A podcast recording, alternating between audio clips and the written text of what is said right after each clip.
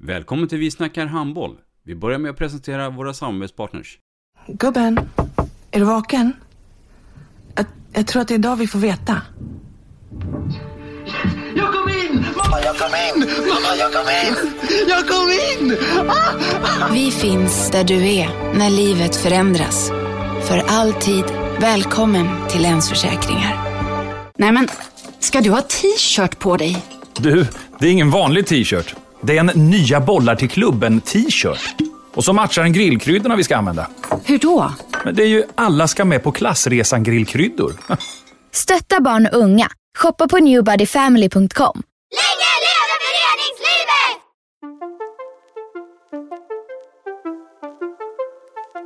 Välkommen säger vi till dig som lyssnar till den bästa handbollspodden. Vi snackar handboll med Robban Z och gäster.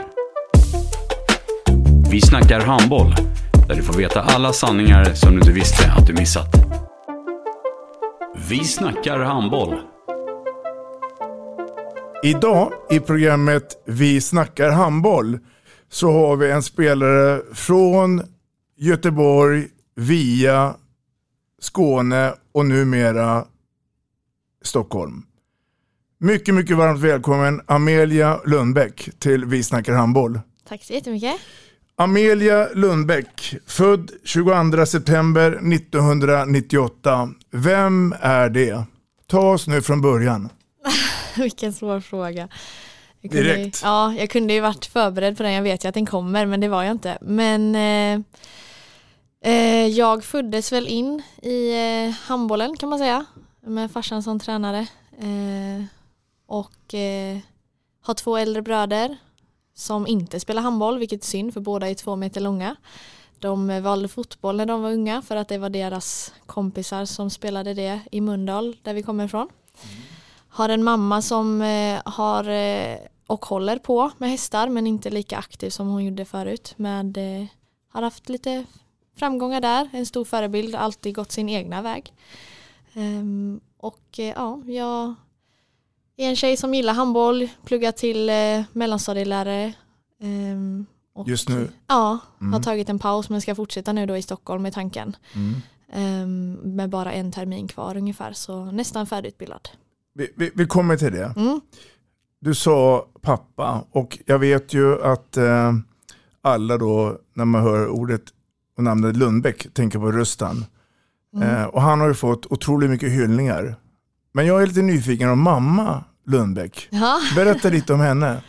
Nej men min eh, mamma, det är min förebild såklart. Eh, hon eh, är, hon är väl inte, hon har inte hållit på med handboll, hon höll på med basket lite när hon var liten. Och enligt henne själv så har jag fått mycket därifrån. eh, men hon har alltid gått sin egna väg med hästarna som sagt, hennes föräldrar gillade inte det. Eller inte gilla, det är inte så, men de höll inte på med hästar och sådär, men hon tvingade min morfar, sin pappa då, att stanna vid vägen när de åkte bil för hon skulle klappa hästarna och sådär. Och Sen så kom hon in på det, eh, gick ridinstruktörsutbildning och allting och har sen ägt, eh, och, eller ja, inte fött upp men köpte som föl eh, en häst som hon senare tränade upp som blev utnämnd till eh, världens bästa hopphäst två år i rad. Eh, och har många fina avkommor därifrån. Mm. Så hon, hon har verkligen gått sin egna väg och blivit jätteduktig på det och jobbar numera som ridinstruktör. Ha, har du fastnat någon gång för det? Alltså um, Ja. hästintresset? Jo men det har det, men det var lite synd för vi bor på en hästgård Mm. och då hade man det alltid utanför dörren.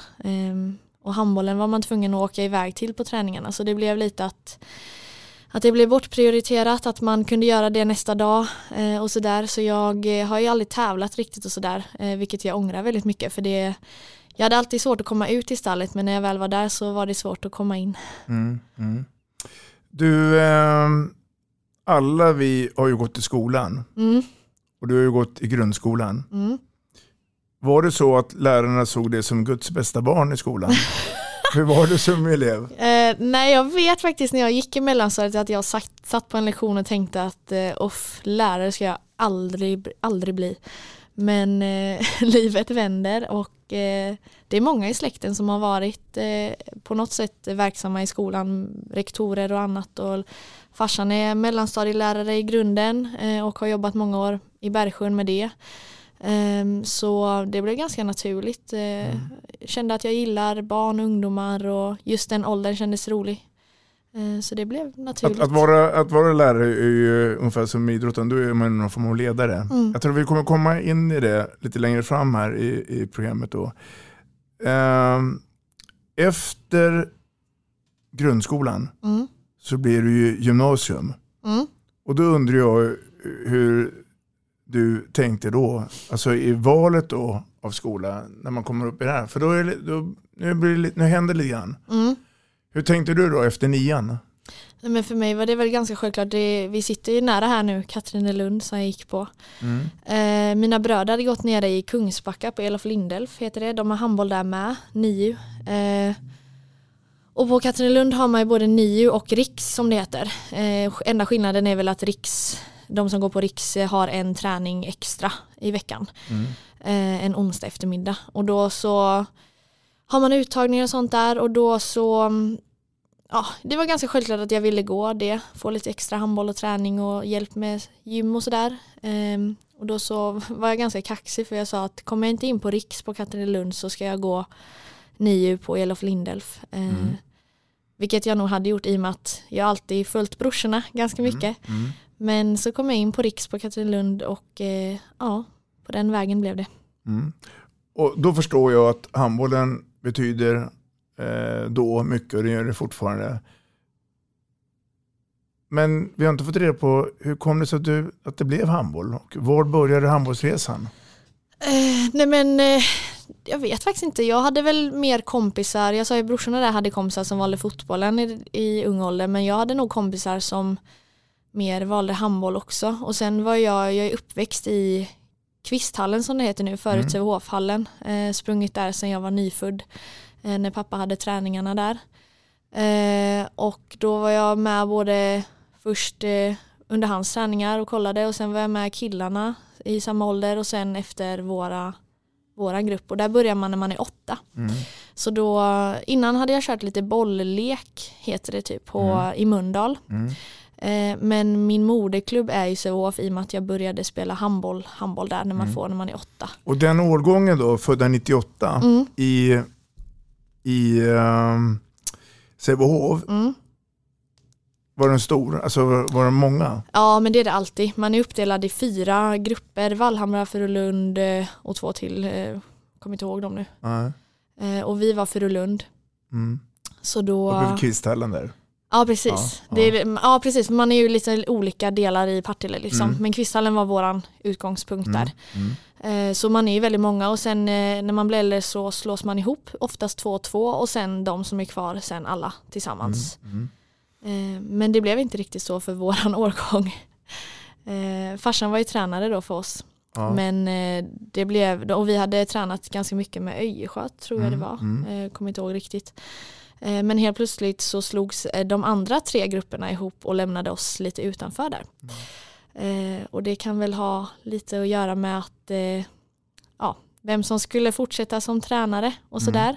Och lösningen som SHF gjorde var att de tog in en utomstående och ingen av de tränarna som var fick vara kvar. Och då så mm, tittade jag och min pappa då på andra alternativ Mm. För att eh, han ville inte att jag skulle kanske vara kvar där med Nej. de förutsättningarna som var.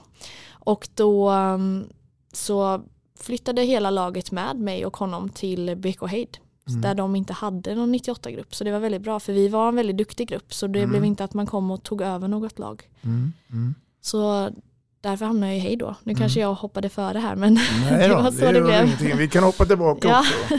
Men, men, men eh, med, med, med facit i handen då, eh, Mm. tror du, hade det varit annorlunda tror du då om du hade varit kvar i, i eh, Sävehof och pappa Rustan kanske hade sagt, ja men kör du, jag, jag kan eh, plocka potatis och, och vara lite ledig. Ja, alltså jag vet verkligen inte. Man var ju ganska liten då Mm. och eh, man märkte ju just på träningen, när vi var små så var vi inte bäst av de grupperna. Nej. Men han sa alltid lugn, det kommer, vi kommer komma ikapp dem liksom. Mm. Eh, Så vi tog inga genvägar med träning och sådär utan vi gjorde ju verkligen det här grundgrejerna och det är väl det man märkte sen när vi blev äldre att det satt verkligen hos våran grupp. Mm. Eh, som gjorde att vi var väldigt bra, Mm. eh, även bredden liksom. Sverigecupen. Ja, det var länge sedan. Ja. Men det är, ju, det är ju en resa som de flesta gör. Mm. Inte alla tyvärr. För Nej. det börjar ju med distriktsträningar. Och så Exakt. hamnar man då eh, i olika distrikt. Då. Mm. Hur, hur var den tiden för dig? Men då vet jag att jag var i hejd. Mm. Eh, och jag tycker det är så, jag vet inte om jag tycker det är en bra grej. För att man är så himla liten och det är så många, jag vet det var tjejer som grät för att de inte kom med och det var som att deras handbollsresa tog slut liksom och man är så liten. Och ja, men för mig, jag kom ju med, det var Mm. inga så, det var det låter kaxigt men det var, jag kände mig väldigt eh, självsäker där liksom och sådär att jag skulle komma med och eh, det var roligt. Jag vet att vi, det enda jag kommer ihåg från Sverigecupen typ är att vi eh, vi förlorade mot eh, mot, det, vad är det där Skövde det heter? Västergötland? Ja precis. Ja. För vi hade vunnit mot dem innan så jag tror vi underskattade dem lite och så åkte vi ut mot dem. Ja. Eh, och det var väldigt så, det, Mm. Det var inte så bra av oss. Minns du om Göteborg hade ett eller två lag? Nej vi hade ett. Ja. Och vi hette, vi, jag tror inte vi hette, jag vet inte om vi hette Göteborg ens. Jag tror ni, he- ni hette Göteborg. Då gjorde vi det, ja. Ja, för det, det, till, till eh, allas försvar då, då, det du säger just det här med att man blir petad Mm. eller man inte är med. Så är det så att de stora distrikten numera Mm. har ju två lag. eh, Okej. tror- Ja, att man då har ju då Stockholm vit eller Stockholm röd eller Mm. Skåne röd och Skåne eh, gul. Mm. Det är ju en, en eh, fördel, Mm. för då kan ju flera vara med. Mm. Jag personligen tycker ju då att, att eh, och jag håller ju med dig där, att, att, eh, att alla bör ju få vara med i den här upplevelsen. Men det blir ju så fokuserat på vissa uttagningar. Och då ska ju inte karriären bara ta slut. Nej. Så det håller jag med dig om. När Sverigecupen är avklarad, Mm. ni åker hem Ja. till era eh, hemorter. Så på den tiden tror jag i alla fall, eller kanske, eh, kanske kommer tag, så får man någon form av besked, mail, att du har kommit med på riksläger. ja, Hur var det för dig? jag kommer inte ihåg det. Jag ser. Eh, Men jag sa det för någon dag sedan att jag har varit väldigt dålig under min handbollskarriär att stanna av lite och njuta. Det är alltid, jag vet inte om det är för att jag har haft eh, den uppväxt jag haft men att just att det har bara varit att man typ har bockat av saker lite. Att det har varit så självklart att jag ska vara med överallt. Så när jag väl har varit det så har det varit så här, ja, jag check på den liksom nästa. Eh, Det låter jättekonstigt men i efterhand så är det lite eh, synd tycker jag. För man har liksom inte njutit av det man har varit med om. Så jag, jag är dålig på att komma ihåg sådana saker. Eh, Men jag vet ju att jag blev uttagen och man får mail och sådär. Eh, Riks 1 då Ja, som det och så heter. får man åka upp till Katrineholm eller till Halmstad numera. Ja. Katrineholm hade vi, men numera Halmstad. Ja, och då är de här fystesterna och man får springa herregud, runt ja. hade ångest hela tågresan upp för Cooper. Men, men, men bör du i det läget då när du kom upp till Katrineholm börja känna igen då kollegor som, som spelar andra lag och det? Mm. Ja men så var det lite, man hade ju koll på det, några tjejer och lag som man hade mött. Så absolut. Var det någon du blev fäst av och, och, och här klickade det direkt? Alltså inte vad jag kommer på rikset men jag vet att jag kom ju nära några till exempel Alexander Lundström och jag Mm. klickar ju bra och det är massa andra, jag vill inte glömma någon, det är så hemskt att namedroppa här men eh, några, alltså många av de tjejerna som är väldigt duktiga som man kanske inte annars hade pratat med och sådär så det är väldigt kul. Mm. Och så åker man hem till sin vardag och så spelar man matcher och så är man plus konkurrenter för då ska Ja. man möta varandra. Eh, men om vi backar tillbaka tiden till BK Heid. Mm. Eh, för att där är det så då, sen kommer vi in på de här SM-tävlingarna. Vad har du för minne från dem då? Oj, det tyckte jag var roligt. Men eh, på våran tid så fick inte alla spela steg två eller tre eller vad är det nu man Mm. som alla får spela. Eh, så de första stegen där, vi var ju väldigt duktiga som sagt, så de första stegen där var väl inte jätteroliga. Kunde vinna ganska mycket med ganska mycket vissa matcher och sådär. Eh, men sen det var väl mer steg fyra, steg fem som man kommer ihåg liksom, som var roligt. Och vi var ofta med eh, äldre klassen. Ehm, så Med det var- 97 er Mm, 97, 96 var Ja, vi med, ja. 98, 99. Mm. Eh, så det var ju vissa spelare som var ganska mycket mindre sådär än de vi mötte. Men eh, det gick bra, vi tog oss till steg fem. Jag tror vi kom typ kanske, kommer inte ihåg, åtta eller sju eller något sånt där. Mm. Så det, men vi kom dit, Mm. så det var ändå en, eh, en merit. En merit Mm. som man har med. Och det, det minns du i alla fall? Ja, och vi, jag vet att vi hade mycket sådär att föräldrarna fick liksom vara med och bestämma om vi skulle vara med i den äldre klassen för att det kanske var mer lärorikt eller om vi skulle vara med i den yngre och kanske då ja, ha chans till guldet och vad som var roligast för oss och sådär. Um, Men alla föräldrarna var typ på samma nivå och tyckte att det var roligare med äldre. Det laget nu från BK Hej-tiden, Mm. har du några, kontakter kvar med dem? Ja, lite men eh, Är det via sociala medier och sånt där? Ja då? precis, det är Ja. inte så många som spelar handboll längre tyvärr. Eh, Det var några duktiga som fick skador, Katarina Sundic och lite annat. Vems fel är det då tror du? Och nu kommer vi in på ett område Med skador? Som, Nå, och, och att eh, många Att de inte spelar handboll? Ja. Nej men några var nog lite med det här med eh, stadslag och det där att eh, man blev lite knäckt och sen att, eh, att Och det du, var pappa nog Rustan pratade någonting om det? eh, Jo, han tog väldigt stor att det liksom är, att det är många som är med i landslag, man blir eller som aldrig har varit med i något av det här. Mm. Och att den resan tycker jag personligen också är coolare att ha gjort. Eh, men eh, ja, det var nog mest skador, så här lite små konstiga skador och sådana saker också. Sen att eh, det är många som som eh, tycker att det kommer upp andra roligare saker när man kommer i den åldern. Mm. Om vi, om vi ehm, ser nästa steg då. BK Heid är då en handhalt. Men sen går Mm. karriären vidare. Mm. Berätta. Eh, nej men eh, fick ju vara med i första året där i A-laget i eh, BK Heid. Min första elitseriesäsong som det hette då.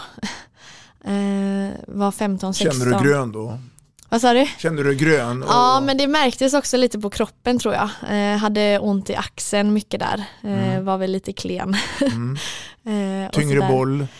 Ja men det var inte, ja det kan ju Ja. såklart ha påverkat men ja allt sånt. Eh, att man mötte äldre och sådär. Allting gick fortare? Ja, det gjorde det ju. Mm. Eh, sen hade inte vi världens snabbaste spel i Hej då, men eh, man mötte ju ändå det. Så det Mm. Ja, men eh, vad var frågan nu? En glömde. Nej men det var ju då, Ja, hur jag gick, eller vad, ja, Ja. vad var det? du, du, gick ju, eh, du gick ju vidare från eh, Heid. Ja, just det, just stannade, det. Men du stannade kvar där att du hade ju, du avslutade med ett år i, Ja, just det, första året. Sen gick Ja. jag till, för då var ju eh, farsan tränare där också. Mm.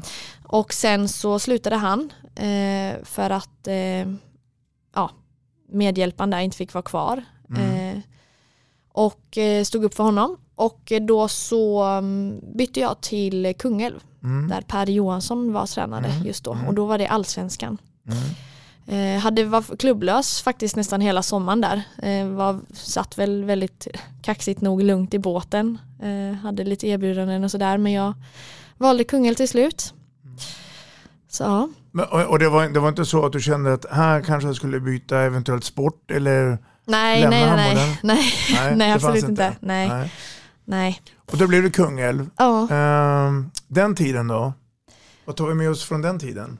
Eh, nej men det var väl mycket där med eh, just eh, lite, det var lite jobbigt, man var ung i Heid och kom upp där. Det var inte jätte god grupp alltid Nej. faktiskt, så det Nej. var väldigt jobbigt eh, eh, i Heid ett tag. Och sen i Kungälv så var det väl mer jämnåriga tjejer, eh, man hade en större roll eh, helt plötsligt.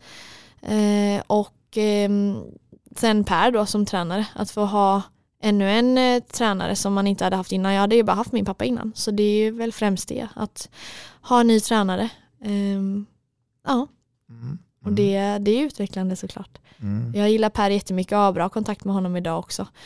Eh, han är väldigt duktig på att eh, få ihop en grupp och vara mån om spelare och höra av sig liksom flera år senare, typ om man gör en bra match så kan han skriva ett sms liksom och så. Så det, han är jättefin på det sättet. Mm. Mm. Och när du träffar honom idag då? Kungälvstjejerna, Ja. ja. Eh, de som är kvar. Ja. Eh, det är bland annat Vilma Pettersson och lite annat. Eh, de är eh, fantastiska tjejer tycker jag. Det var Mm. jättekul där. Mm. Härligt. Mm. Vi spelade, förlorade båda kvalmatcherna mot Skara med en boll. Mm. Ehm, men de gick upp något år senare så nu är, och nu är de kvar i elitserien så det är jättekul. Är du överraskad? Nej absolut inte. Jag tycker Kungälv är en jättefin förening. Eh, har eh, god ekonomi som jag förstår det. Eh, och eh, jag vet när jag var där första gången med SOF-tjejerna sen. Eh, när de hade gått upp och alla var så eh, förvånade att de hade sånt fint arrangemang och sådär. Och då Mm. sa jag att ja, men det är en jättefin klubb så det, jag tycker det är jättekul att de är uppe i Och, högsta och serien. många av de här gamla eh, kamraterna fanns kvar i, i Kungälv. Ja, nej men ja, några. Mm. Ja men de flesta då. Nu är det lite färre men Mm. eh, Vilma då är jättebra Mm. Mm. kompis. Hon är jättefin. Mm.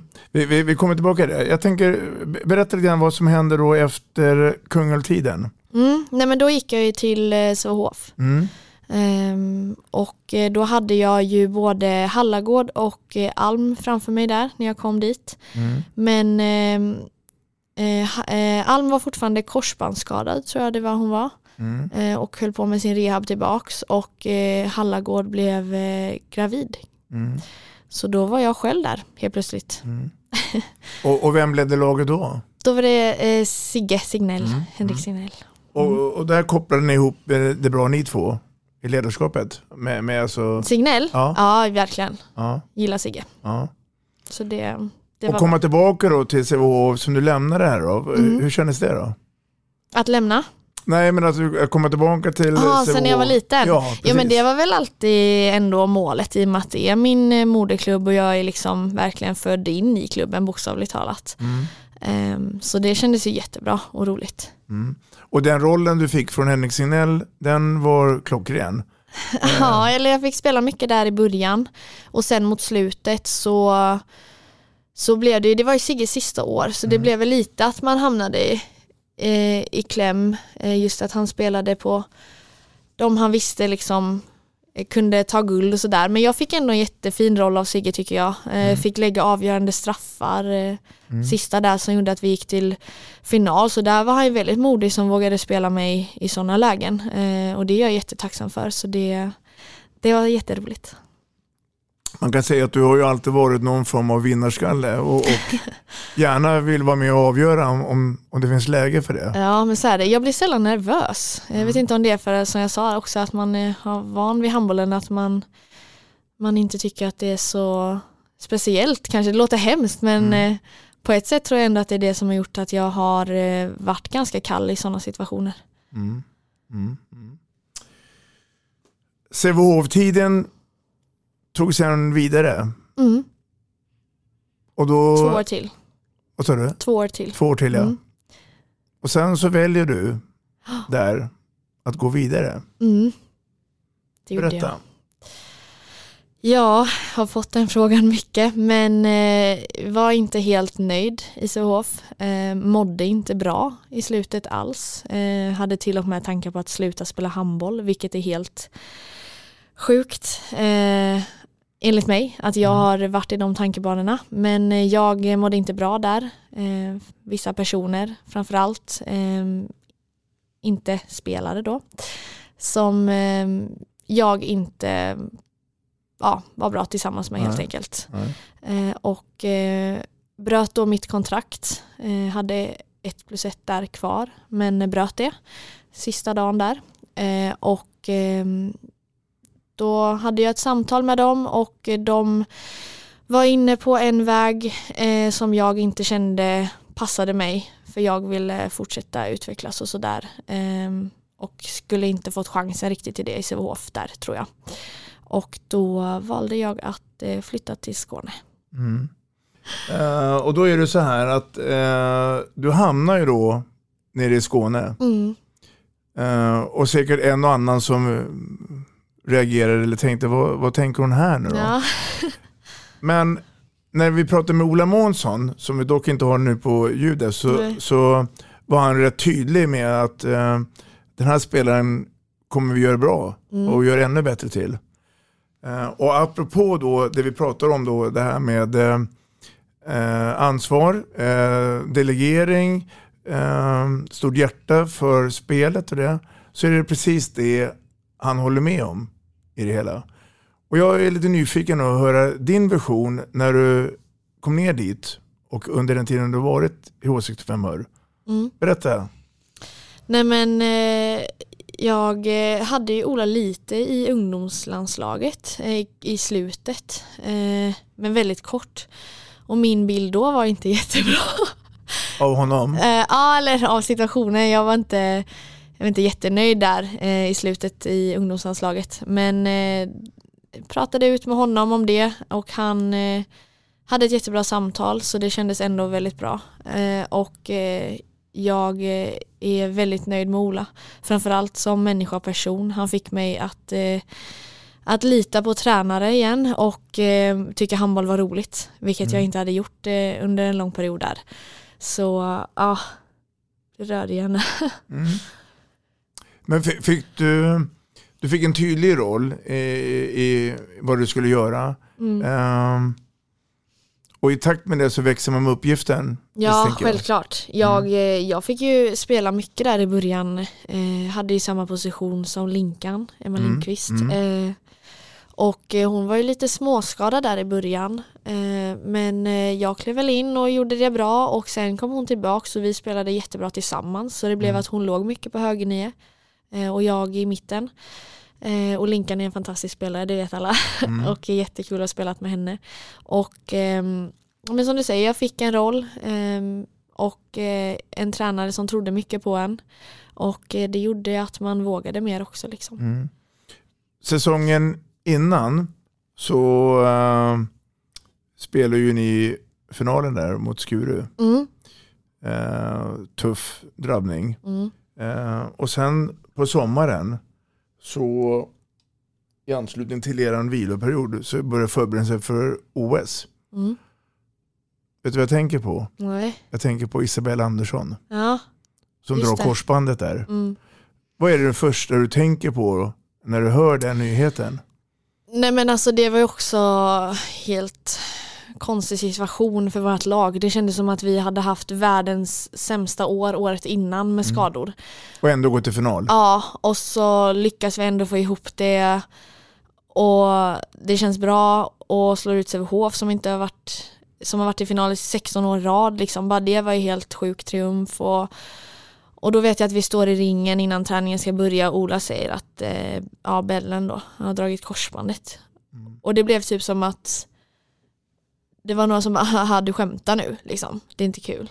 Och han bara nej jag skämtar inte. Så det var ju såklart en jättekonstig situation att det blev ännu ett nedslag som var väldigt tufft för vårt lag då. Eh, och hon skulle också varit en bärande spelare liksom så det Ja, det var en väldigt konstig situation. Mm, jag förstår det. Mm. Jag förstår det. Det, det, det är ju så att eh, skador kommer och går. Så är det. Det är så. Eh, när vi pratar eh, skador Mm. och vi pratar sjukdomar så vet jag att du, du eh, har en sjukdom som du ska få berätta om själv. Som, jag vet inte hur officiell den är egentligen men, men eh, jag tror du, du förstår vad jag tänker på. Jag tror jag förstår vad du Ja. tänker på. Berätta för oss vad som har hänt dig. Diabetesen, ja heter det. Diabetes typ 1 har jag. Eh, väldigt vanligt i Sverige. Eh, får den ofta som ung. Jag fick den när jag var sju. Eh, upptäckte att eh, jag kissade i sängen två gånger samma natt vilket var väldigt konstigt i och med att jag var sju år också. Så vi skulle åka på skidsemester så mamma åkte in med mig till vårdcentralen tänkte att jag kanske hade urinvägsinfektion eller något. Eh, men de tar ett blodprov och säger att eh, nej, det här tar för lång tid, hon har diabetes. Och jag som sjuåring förstod ju ingenting och min mamma började gråta och jag trodde att eh, jag skulle dö. Typ. Eh, för det var ju reaktionen som, som blev. Eh, de sa åk hem, packa en väska, åk in till Östra direkt och ni får ligga inne där i två veckor. Så det hjälpte inte heller liksom. Så det var väldigt konstigt som sjuåring att förstå vad som hände. Mamma fick massa broschyrer med sig och Eh, när vi sätter oss i bilen så säger mamma att eh, du kommer få ta sprutor hela ditt liv. Och som vilken sjuåring som helst så blev ju inte jag jätteglad. Eh, åker hem, pappa frågar hur det går och mamma säger bara hon har diabetes, vi ska in till sjukhuset. Och han fattar ingenting. så det blev att ställa in den skidsemestern och åka in eh, och låg inne 13 dagar på Östra då i Göteborg. Eh, med dropp och grejer. Och Massa fick, prover. Ja, precis. Fick lära sig ta sprutor, stick i fingret och fick gå med en sån här ja, ställning ja, i Mm. dropp. Vet också att jag vaknade där en natt av att det var blod i hela sängen. Eh, då hade ju den åkt ut då, så det var inte så mycket blod men det var ju utspätt med dropp så det var rött i hela den här vita sjukhussängen. Ehm, men det var lite, faktiskt kul att ligga inne där, det var många som kom på besök, fick massa presenter. Mm. Ehm, men ja, det, det är en em, komplicerad sjukdom. Och den diabetesen följer med dig då? Ja, den kommer jag ha hela mitt liv. Ja. Jajamän. Och, och, och idag gör man sina egna ingrepp, alltså, eh, jag tänker på spruta in. Mm, precis, jag har en insulinpump faktiskt. Mm. Eh, tycker det funkar bra. Man kan ju ha antingen sprutor eller eh, en pump då som det heter. Och, och, när och hur gör man det då? Alltså eh, i vilka tids på dygnet? Det är 24-7, Ja. det är ingen vila. Nej, det, är, nej. det är ett pussel eh, varje vardag och ingen dag ser den andra Ingen dag är den andra lik fast att man äter samma, rör sig samma. Eh, för det beror även på hormoner och stress och allt som kroppen eh, gör. Hur man ligger. Och, och, och vi som är utomstående då, vi, vi, kan vi se det på det att, att du har diabetes? Eller? Eh, inte så, men man har ju oftast, jag har den här, de som vet, de vet, men eh, en mätare på armen. Mm. Sen har jag en eh, liten eh, grej i magen som min pump sitter och så ser det ut, ser den ut så här. Mm. Och jag vet när jag var liten och hade spelat någon kupp och hade glömt pumpen någonstans så hörde man i högtalaren att de sa eh, Ja det är någon som har glömt en eh, mp3-spelare. så då visste de inte riktigt, eh, riktigt vad det var. Så, Det är alltså en svart liten dosa. mm, precis, med en liten slang som sitter in då till min mage. Och de eh, sitter med små nålar in eh, som man får byta varannan var tredje dag och den på armen varannan vecka ungefär om, eh, om den inte blir utdragen då under match. Men, men doktorerna då, säger de nu ehm, att du kan övrigt träna och, och vara precis som vanligt? Ja, alltså det, är, det handlar om att sköta sig och ha koll. Eh, min, Mm. min som pump då, den varnar eh, om jag blir låg i socker eller om Mm. jag blir hög. Om jag blir låg så gäller det ju att äta någonting. Eh, fick ta ju lite här när jag kom in som Mm, stod på ja, här har vi bordet. lite go- gott ibland. Men, men när det gäller kosten då, är, är det, får du stoppa i vad du vill då? Eller är det att man får tänka på? Nej men man måste ju tänka, framförallt till exempel på morgonen, morgonträning kan vara lite jobbigt ibland. Eh, Då är det som att kroppen drar åt sig allt den kan. Eh, Fast att man äter eh, frukost med så lite socker i som möjligt liksom. Men eh, spelar inte alltid roll. Eh, och under matcher så har jag alltid en liten bobsaft med mig. Mm. Ifall jag blir låg, för det flytande går väldigt fort ut i blodet med. Så det, Mm. det är ett bra tips jag fick av min diabetessköterska som själv har spelat handboll. Mm. Mm. Ja, spännande. Mm. Eh, och intressant om inte annat. Där då. Eh, mm. vi, vi, vi är kvar i H65 Hör. Mm. H65 Hör måste ju vara så här långt den minsta föreningen du har varit i när det gäller antal lag och det. Beskriv lite grann om H- H65 Hör. Ja, nej men det, det är ju som du säger en liten klubb, men jag gillar det. Eh, det är väldigt familjärt, eh, lite likt som det var i Heid, fast ännu mindre då. Eh, det finns en styrelse och den består av ungefär tre personer. Ja. Det är de två som äger den, Elisabeth och Jan och Ola då. Så han är både sportchef och tränare och, och lite andra saker också. Så. Vad, vad fick du för uppfattning när du kom dit då? då? Så var det en aha-upplevelse? Nej, alltså ändå inte för som sagt jag gillar mer, jag gillar mer det här familjära än till exempel då Sävehof där det finns så många led att du inte vet nästan vilka som sitter på toppen Nej. och styr. Mm. Eh, för det blir ganska, man blir ju verkligen en bricka i spelet eh, i sådana klubbar medan när det är mindre och mer familjärt så blir det just ja, som att man känner alla och man har en dialog under träningar med de som är högst upp i klubben liksom och sådär. Så det blir väldigt eh, alldagligt så att man träffar varandra och man får en relation till varandra. Mm. Och samhället, om man nu får säga så, Byn. hör, byn, precis det. Eh, kunde du gå ut på gatan och, och, och vara ostörd eller var det alltid tjena tjena, Nej, men det grattis? var, nej, ja, det var lite blandat. Det var ibland när man stod i eh, trädgården och fixade lite så, Så kom det förbi lite grannar och sådär som frågade, hur, eller visste då hur det hade gått och lycka till nu nästa match och sådär. Men det, jag tycker det om det, det är fint. Mm. Det, För det är ju ett allmänt handbollsintresse mm, verkligen. där. Mm, verkligen, det Mm. står ju skyltar på ICA och sånt när vi ska spela match och, Mm. och barnen i skolan där då jag jobbade, de har också bra koll och sådär. Så det, Sen tror jag också att det, det är en trogen publik, men den är också äldre. ja, men verkligen. Vi har, Mm. det är ju lite skämt om det, att det är väldigt mycket äldre som sitter där, men de håller igång riktigt bra så det ska de ha all cred för. Mm, mm. Um, något annat då som var annorlunda i, i Hör än i de tidigare klubbarna?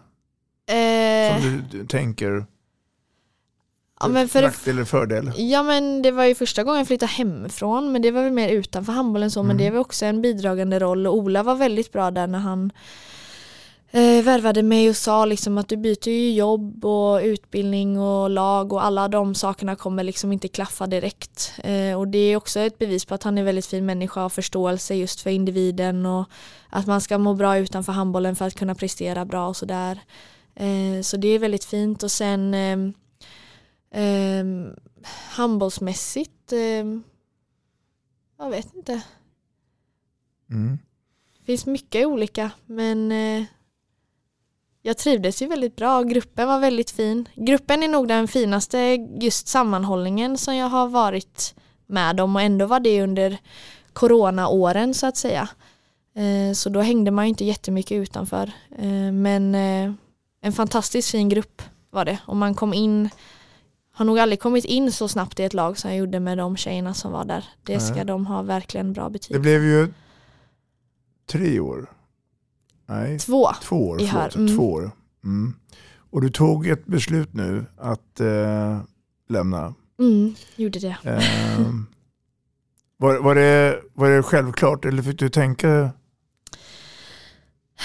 Alltså, det var väl ganska självklart. Ehm, inte att jag var missnöjd med någonting utan det var mer att jag kände mig, kände mig ganska klar där. Eh, Det Mm. låter ganska tufft att säga så men det är verkligen inte det. Men jag hade utvecklat mycket saker i mitt spel men jag kände väl att vissa saker eh, tror jag kan komma bättre fram i Skure. I alla fall hoppas jag på det. Eh, och känner väl att det kan utveckla mig ännu mer. Eh, faktiskt. Mm. Eh, men jag är jättenöjd med mina två år i hör. Så det är absolut inte att det är något som skaver eller något sånt. Utan det var bara ett beslut. Och eh, alternativet var väl att gå utomlands. Och just nu kändes inte det jättehundra efter corona och eh, krig och allt som var. Och eh, ett eh, distansförhållande då. Mm. Med min kille Haider. Mm, jag Eh, tänkte precis komma till det. Kan det vara där som är en stora förklaring till att du, du väljer att lämna nu Skåne och flytta upp till Stockholm? Inte anledningen till att jag lämnade men kanske anledningen just att det blev Stockholm och Skuru så även fast ja, alltså det är en stor anledning men det är inte heller enda utan hade jag gått utomlands så hade ju han stöttat mig i det och allt sånt där men eh, det kändes helt enkelt rätt i tiden och Skuru kändes som ett väldigt bra alternativ för att få livet runt om att eh, klaffa väldigt bra helt enkelt. Mm. Du, eh, Amelia då? Mm. Nu lämnar du Skåne, Mm. men du lämnar nog inte spelarna. Du ska få en hälsning här. Nej, ja. Lyssna här igen. Mm. Hej Amelia, jag vill egentligen bara flika in här och berätta hur otroligt tacksam jag är över att jag har spelat ihop med dig i två år i Hör. Eh, du är en jättefin lagkamrat med varmt hjärta och du är en riktig glädjespridare verkligen. Du är alltid glad, det är helt otroligt. Du eh, ser verkligen också varenda individ eh, i ett lag. När man hänger med dig så känner man sig alltid sedd och hörd. Det är en jättefin egenskap du har. Eh, och vi hör kommer sakna dig så otroligt mycket på plan men framförallt utanför plan.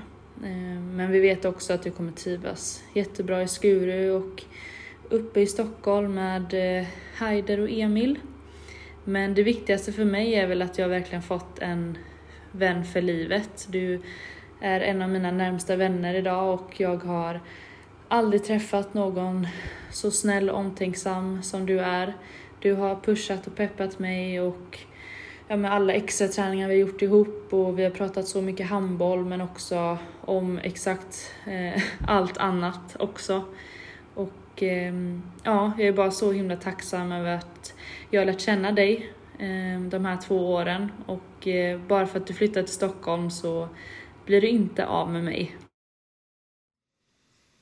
Mm. Det där var ju Malin Mm, det Sandberg. Kände du henne innan tiden i H65 Hör? Nej det gjorde jag inte. Nej. Hon är jättefin Malin, jag tycker om henne jättemycket. Men ni kommer ju från nästan samma stad. Ja eller? vi gör det. Ja. Hon är två år yngre än jag. Hon Ja. är född 00. Eh, Men vi kände inte varandra innan faktiskt. Eh, hade nog eh, knappt ens hälsat faktiskt. Mm.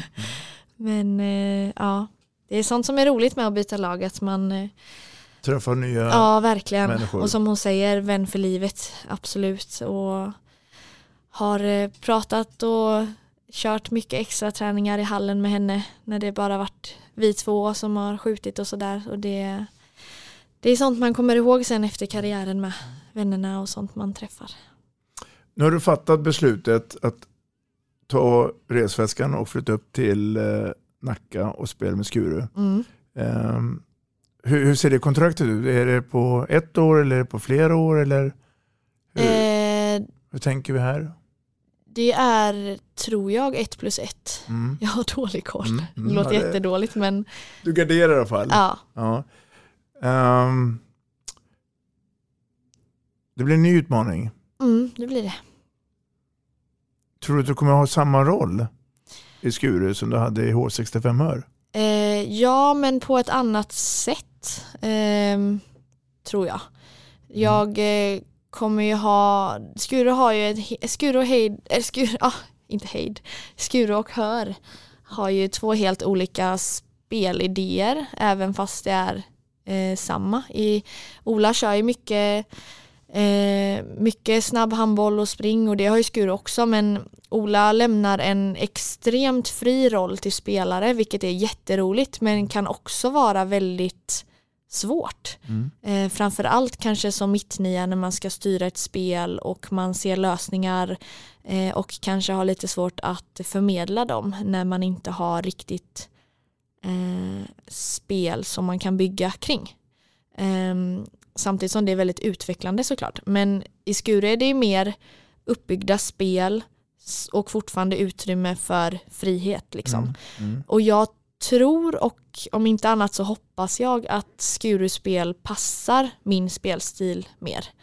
Ehm, och det, det får vi se, men det är vad jag tror. Mm. Du, eh, du ska få en eh, hälsning till här. Mm. Lyssna nu. Hej Amelia Lundbäck. Erik Larholm.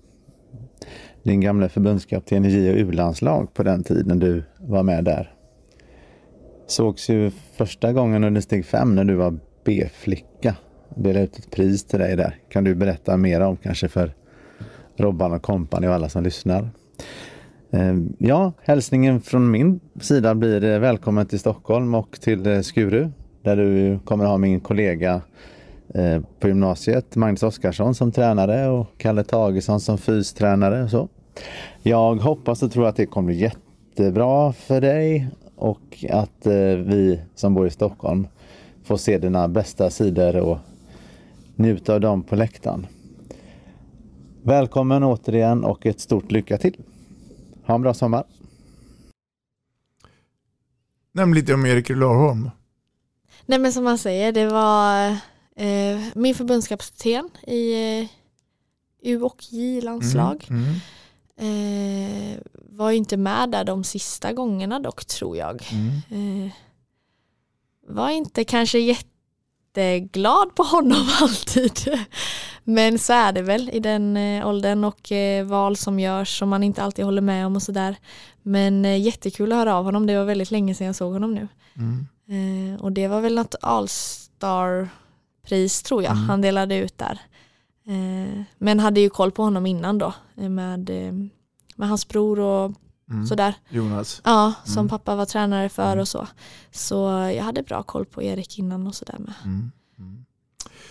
Nu... Eh, Och tack då. Ja, Ja, det- välkommen till. det är Får bra. tacka för. Det är bra. Nu är det ju då eh, Skuru och eh, förmodligen lika mycket träning som Mm. i, i hör. Eh, när det gäller fysen och det, är du en uh, utövare som älskar fysträning? Eller vill du hellre glassa och glira och göra de här snygga sakerna med bollen? Nej, det, det är väl en bra blandning. Jag hatade löpträning när jag var yngre, men eh, det har man ju kommit över i hör om man säger så. det, eh, Ola Där har, mycket. Ja, Ola har tänkt, tänkt på alla gränser som finns där. Eh, det var någon av min sista träning nu så var det några småtjejer som frågade för vi har alltid löpning, vi har dubbelträningar i hör. Eh, som har varit väldigt eh, jobbigt och slitsamt eh, många gånger. Eh, och då var det några små tjejer som frågade hur många enkilometer vi skulle springa efter träningen. Och då sa jag att eh, ja, han är så sjuk så han kan säkert säga 10 nu. Så gick han förbi så frågade jag, du Ola, hur många ska vi springa sen? 10 svarade han. Du hade det på känn. Jag hade det på känn. Sen tror jag var bara vi sprang sju eller något. Mm. Men eh, man är beredd på allt med Ola. Så efter det har man vant sig. Så löpträning är inte längre jobbigt utan snarare roligt. Eh, och gym lika så. Men eh, det är väl klart att det är roligt att göra snygga saker med bollen. Så, mm. Gillar du att träna mycket på egen hand eller vill du gärna att det är någon som står och blåser i, i nacken? Och... Eh, Kom igen Amelia. Nej, jag är nog, jag gillar sommarträningen mycket. Just det här att man kan välja tider och gillar gärna att göra det tidigt så att man är fri sen resten av dagen och, och sådär. Eh, och då, alla de senaste somrarna har jag ju tränat då med min kille Haider. Mm. Så det är väl, eh, det är väldigt roligt att eh, pusha och hjälpas åt så. Men eh, gillar lagträningar också på gymmet och sådär. Men kanske inte just någon som skriker en i nacken, det vet jag inte om det är. Det är rätt medicin. Eller det beror på. Det beror, min kompis Vilma, Anders, Vilma Kron Andersson, Mm. målvakt, så hon, eh, hon är bra på att peppa mig på gymmet. Mm. Eh, Så, men det beror lite på vem det är så att säga. Mm. Mm. Du, eh, landslagsspel och proffsspel. Är det någonting som du går och tänker på varje dag? Varje dag? Nej, det är det inte. Men eh, det är klart att man har tänkt på det. Mm. Men eh, mitt mål med handbollen har nog alltid varit att eh, leva på det. Och eh, alltså ha en så pass bra lön från det att man kan eh, lägga undan lite och eh, ha det som jobb helt enkelt. Mm. Eh, det är fortfarande målet. Och ja, Och, och de här planerna till eh, studierna med att bli lärare nu då? mm. Eh, för det var där samtalet började Ja. i podden. Hur, hur, hur tänker du här nu då? eh, det kommer sen tänker jag. Mm. Jag vill gärna bli klar med min utbildning. Eh, har ju jobbat nu vid sidan av lite nere i Hör som vikarie och även som lärare vissa dagar. Eh, och jag tycker om det jättemycket Mm. och jag känner att jag har valt rätt där. Men eh, det är svårt att ha det jobbet som hundraprocentig eh, lärare och satsa väldigt hårt på handbollen också tror jag. Det är ett ganska krävande jobb just det här att det är de dag, långa dagar och mycket som händer helt enkelt. Många att hålla koll på och alla ska bli sedda och hörda och man vill inte göra det halvdant liksom. Jag fick eh, både 100% erbjudande och 70% erbjudande nu när jag var i Hör. Eh, men jag ville inte ta det för att jag vill inte göra det halvdant. Det är Ja. väl som med allt. Hur, hur tänker du nu då när du flyttar upp till eh, Nacka och Skuru då? Ja. Eh, Nej men tanken är att, göra, att läsa klart utbildningen. Jag har Mm. eh, ungefär en termin kvar bara av Mm. åtta så det är eh, ett och halvår är ungefär. resten av tiden handboll. Nej sen ska jag jobba också Ja, såklart, det ja. måste man Mm. eh, tyvärr i Sverige ofta. Mm. Men eh, tanken är först att plugga klart eh, och sen eh, jobba Mm. vid sidan av. Men inte då som hundraprocentig för det är ingen, jag tror inte det är en bra sits. Eh, varken för mig eller elever som man har då. Nej. Nej. Apropå träning. Mm. så eh, ska du få en hälsning till här från eh, en vän till dig. Mm. Lyssna här. Ja, det här är Claes Hellgren, Amelia. Och jag skulle vilja skicka en hälsning till dig. Att jag hoppas verkligen att du tar det här steget nu från att vara en väldigt bra elitspelare till att bli en ännu bättre spelare. Jag vet att när man brinner så mycket för en sport så man är beredd att ta sin extra tid för att träna, göra någonting extra för att bli bra. Har man dessutom utifrån mitt perspektiv en far som är en av de klokare fäder som finns så finns det chans att du kan nå hur långt som helst. Men det kommer att kräva lite. Och du och jag vet vad det kommer att krävas, nämligen att du går in i en gruva och du går ner så djupt du kan och gräver i det. Och då kommer du komma ut som en riktigt, riktigt bra spelare den här tiden i Skuru. Jag tror på dig. Fina Claes. Mm. Håller du med? Ja, det gör jag. Och mm. ja, han har väl pratat mycket om det när man har varit och tränat hos honom också. Eh, och vart man ska lägga sitt fokus helt enkelt. Så det, det är väl alltid så. Talang är en sak men eh, man måste bibehålla det också. Och eh, man kommer inte ifrån träningen där. Tror vi att det blir en bra SOE kommande säsong 22-23? Vi har ju några hemvändare som kommer tillbaka. Ja, spännande. Vet du vem jag tänker på? Bella antagligen. Ja. ja. och sen även Bunsen, målvakt. Bunsen, ja. ja. Eh, Emma Fernes. Just det, också Lugi. Mm, mm. Jo men det tror jag. Det är roligt att träffa dem igen. Mm. Tror du att det är de här eh, tre, fyra lagen som kommer göra upp? Skuru, Hör, Sävehof, kanske Lugi? Ja, jag tror att, eh, att det kommer vara liknande som det har varit. Eh, mm. sen så är det alltid lite skillnad i mitten av tabellen där, men eh, det kommer nog vara liknande tror jag. Hur, hur kommer känslan vara att eh, lämna samlingen vid Nacka bollhall, bussen ner till Hör? Ja, och spela Hör mot Skure? Jo, men nu vet ju jag att eh, det blir den sista matchen. För vi fick ju dem i premiären och då är det hemma. Så då, vi har Hör hemma i Nacka bollhall första. Mm. Så premiären blir dem och den sista matchen blir nere i Hör. Och det kan på ett sätt vara lite skönt för annars hade det nästan känts som att komma hem direkt. Mm. så uh, när man har dem på hemmaplan nu i Skuru istället så, så tror jag att det kommer kännas lite enklare. Ja. Det är inte så bra heller för uh, man har inte, man har inte något agg mot någon där. Och jag eh, spelar nog bäst när jag är lite förbannad. Mm. så jag får hitta något att störa mig på i alla fall.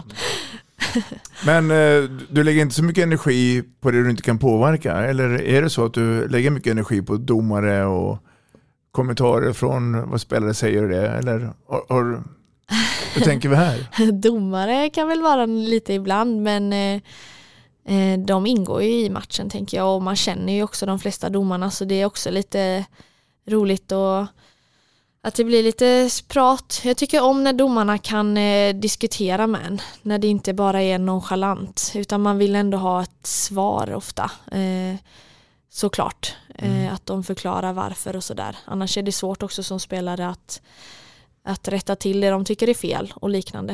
Eh, att ha en dialog liksom.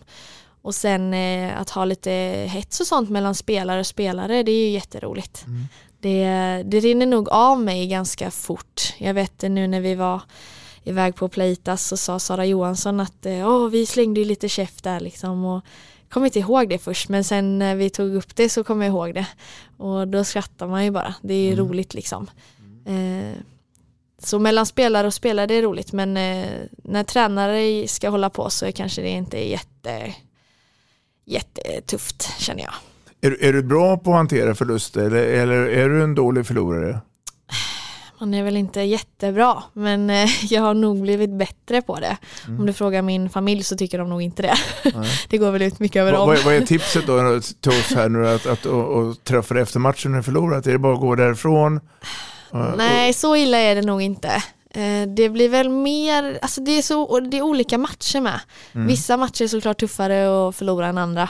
Och då när man vaknar dagen efter då är man sämst i världen och ska sluta spela handboll ungefär ibland. Mm.